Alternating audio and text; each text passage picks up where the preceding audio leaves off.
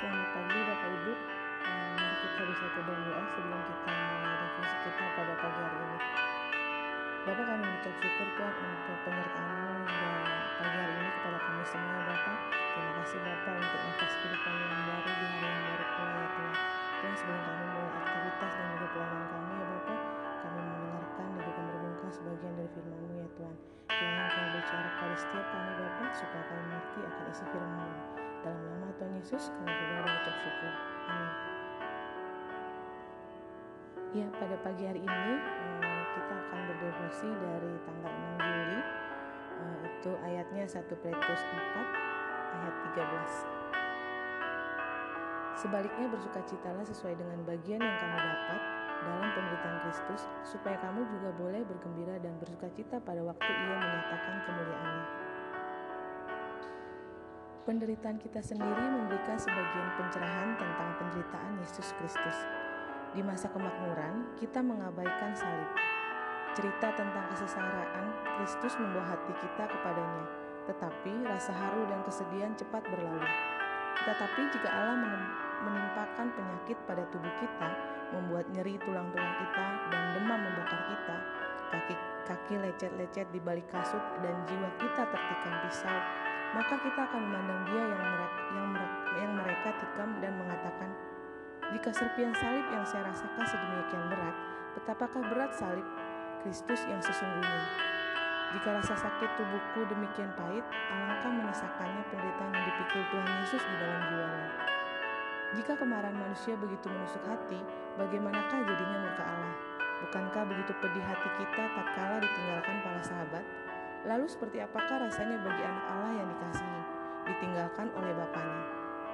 Apakah belenggu begitu berat, penjara begitu menjijikan, dan hukuman mati demikian mengerikan? Aduh, bagaimana rasanya bagi dia? Pencipta langit dan bumi, dibelenggu, diejek, ditindas, diludahi, dipukuli, dicercah, dilempar ke penjara, didakwa, dihukum, dan dihukum mati dengan cara yang paling memalukan dan terkutuk. Oh, untuk apa dia menanggung semua perlawanan manusia berdosa, kegusaran setan, dan murka Allah sambil berteriak keras, Allahku, Allahku, mengapa engkau meninggalkan aku? Ia tidak melakukan satupun kejahatan, tipu tidak pernah keluar dari mulutnya.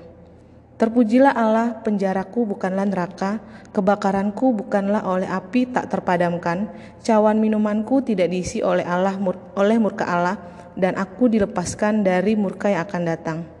Dengan keikutsertaan kita menanggung sisa-sisa serpian salib yang diwariskan kepada kita sebagai pusaka, kita dapat sedikit memahami penderitaan Kristus atau setidaknya melalui penderitaan kita yang sangat tidak sebanding dengan penderitaannya, kita mampu menduga-duga penderitaannya yang tidak mampu kita pahami sepenuhnya.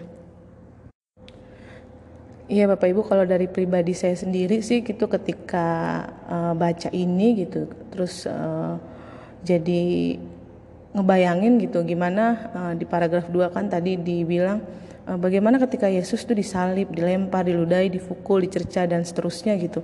Itu tuh jadi kayak merinding sendiri gitu gimana uh, Yesus tuh rela disalib, rela mati tuh buat kita, rela menderita tuh buat kita gitu. Uh, kalau dilihat dari renungan hari ini sih saya, saya sih belajar atau diingatkan kembali bahwa kita sebagai orang percaya gitu ya memang memang uh, ketika ada penderitaan, ketika ada pencobaan dalam hidup kita, itu ya ya kita harus terus bersuka, bersuka cita gitu karena itu menunjukkan bahwa kita uh, penderitaan yang kita alami itu karena iman kita kepada Kristus gitu. Jadi itu nggak ada apa-apanya kalau dibanding dengan penderitaan Yesus tuh di kayu salib gitu. Uh, ketika kita mengalami sesuatu hal atau ketika kita mengalami kesusahan, sakit penyakit gitu.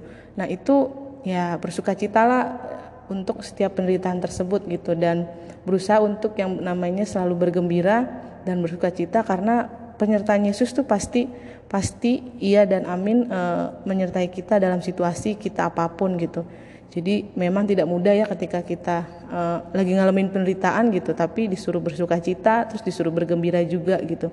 Nah, pada pagi hari ini sih e, refleksi buat saya pribadi gitu ketika apa pun yang saya alamin ketika kita mengalami penderitaan sekalipun kalau itu untuk demi nama Kristus dan juga sebagai iman percaya kita pada Kristus ya ya kita harus belajar untuk bersuka cita dan juga harus belajar bergembira karena apa pun pasti Roh Kudus Tuhan Yesus selalu menyertai hidup kita dalam kondisi kita apa pun gitu.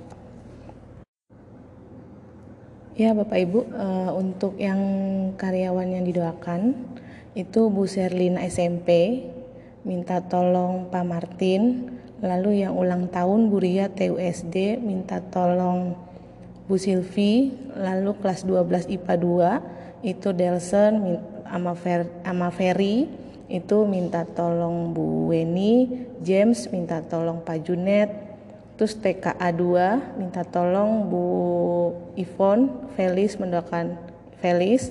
Lalu minta tolong juga Pak Uncok untuk mendoakan Gabriela TKA 2 sama Gwyneth gitu. Yang lain Bapak Ibu yang lain boleh mendoakan terus kesehatan bagi kita semua. Mari kita bersatu dalam doa Bapak Ibu. Tuhan Allah Bapa yang bertata dalam kerajaan sorga, kami mengucap syukur Tuhan bahwa pagi hari ini kami diingatkan kembali bahwa setiap penderitaan yang kami alami itu biarlah menjadi sukacita dan terus kami bisa bergembira di dalamnya Bapa. Dan biarlah setiap lewat penderitaan yang kami alami itu karena iman kami hanya kepercaya kepada Engkau saja ya Bapak. Tuhan Yesus, uh, sebentar kami mulai aktivitas kami, kiranya Engkau juga berkati setiap pelayanan kami, tugas dan tanggung jawab kami, khususnya sepanjang hari ini, biar selalu dalam penyertaan-Mu dan semua apa pun yang kami lakukan, itu hanya untuk menyenangkan hatimu saja ya Bapak. Terima kasih Bapak, juga doa-doa yang boleh kami panjatkan, kiranya Engkau saja yang menjawab seturut dengan kehendak-Mu ya Bapak. Terima kasih Tuhan, dalam nama Tuhan Yesus kami berdoa dan ucap syukur. Amin.